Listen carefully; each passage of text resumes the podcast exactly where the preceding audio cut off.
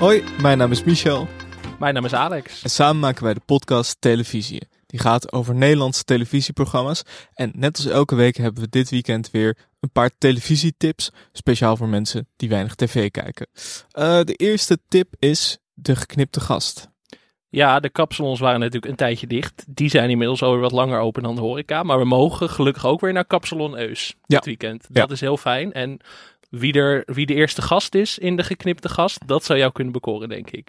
Het is is namelijk het? niemand minder dan Dr. Love himself, Ja. Robert en Brink. Leuk, heel leuk.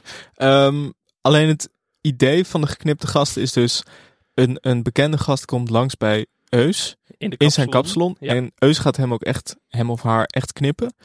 Nou, dat Toch? was het idee. En Eus heeft daar ook voor leren knippen, naar ik begreep. Ja. Maar dat hebben ze na één seizoen losgelaten door de coronamaatregelen. Dus het is eigenlijk een kapsalon waar niet geknipt wordt. Ook wel weer revolutionair als je erover nadenkt. Ja, nou ja, het, het is ook een belangrijk onderdeel toch van, van de kapsalon. Wat doe jij altijd bij de kapper?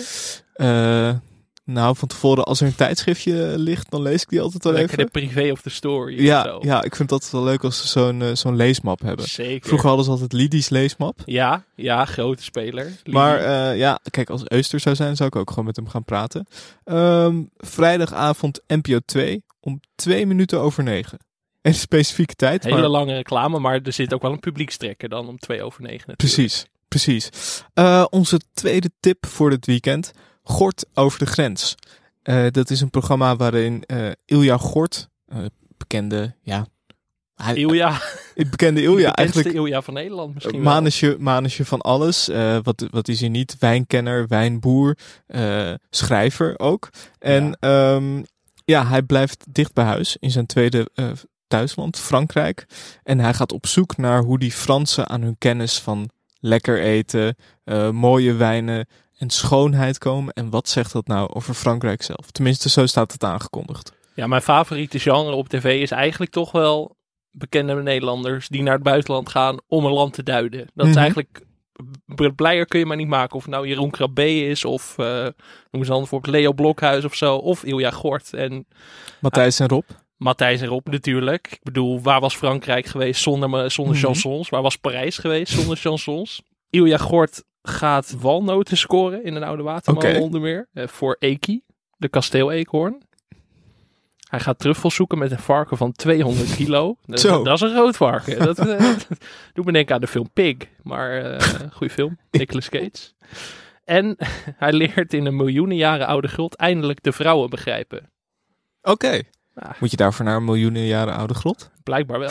Is, daar, daar ligt blijkbaar het geheim begraven om eindelijk de vrouwen te, te begrijpen. Maar ze vertellen zeker niet waar dat is. Nee, dat zal wel een geheim plek zijn voor Nee. alle mannen, denk ik. En Ilja Gort heeft gewoon de sleutel daarvoor gevonden. Dus eh, Nou, met zo'n teaser heb je mij. Dan ga ik kijken hoor. wat, wat denk je als je aan Ilja Gort denkt? Wat, eh, Ehm, denk je dan meteen aan lekker, een lekkere glas wijn s'avonds Nee, zo? ik denk aan zijn snor. Oké, Toch heeft zo'n hele kenmerkende... zeker. Ik vind het altijd heel knap hoe mensen dat kunnen onderhouden. Ja, hoeveel tijd zul je daaraan kwijt zijn 's ochtends? Nou, misschien dat het antwoord op, op het behouden van een gezonde snor ook wel in die grot eh, te vinden is. Eh, tot slot hebben we nog een derde tip. Niet zo'n heel spectaculair tv-weekend, maar ik zag één film. Ja. Een horrorfilm. Eh jij bent natuurlijk onder meer filmrecensent. Ken jij de film ATM? Nou kijk, ik heb heel veel horrorfilms gezien, maar dit pareltje heb ik nog even gemist. Dat komt misschien omdat hij een 4.7 op IMDb heeft en 12% op Rotten Tomatoes. Maar dat nodigt mij eigenlijk alleen maar uit om te gaan kijken. Ja, in de, in de beschrijving staat... voor ze de kroeg in kunnen duiken moet Corey nog even pinnen. Zijn collega's David en Emily gaan met hem mee. Bij de pinautomaat gaat het mis. Opeens duikt er een grote, dreigend uitziende man op.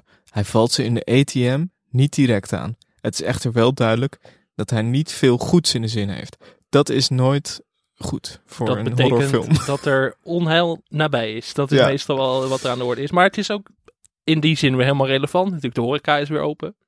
Je, mensen moeten weer vaker geld pinnen nu, denk Ja. ik. Ook al blijf je tot 10 uur open, je moet nog steeds betalen. Je kunt nog steeds niet overal pinnen in elke horecagelegenheid. Dus ik zou toch uitkijken dit weekend. Tijdloze film. Vrijdagavond om eh, half elf bij RTL 7. De Ik vrijdagavond is druk. De rest van het weekend kun je gewoon lekker eh, nou, wat anders gaan doen. Tot zover onze tips. En wil je nog meer tips en eh, ja, verhalen over tv-programma's? Luister dan naar onze podcast Televisie.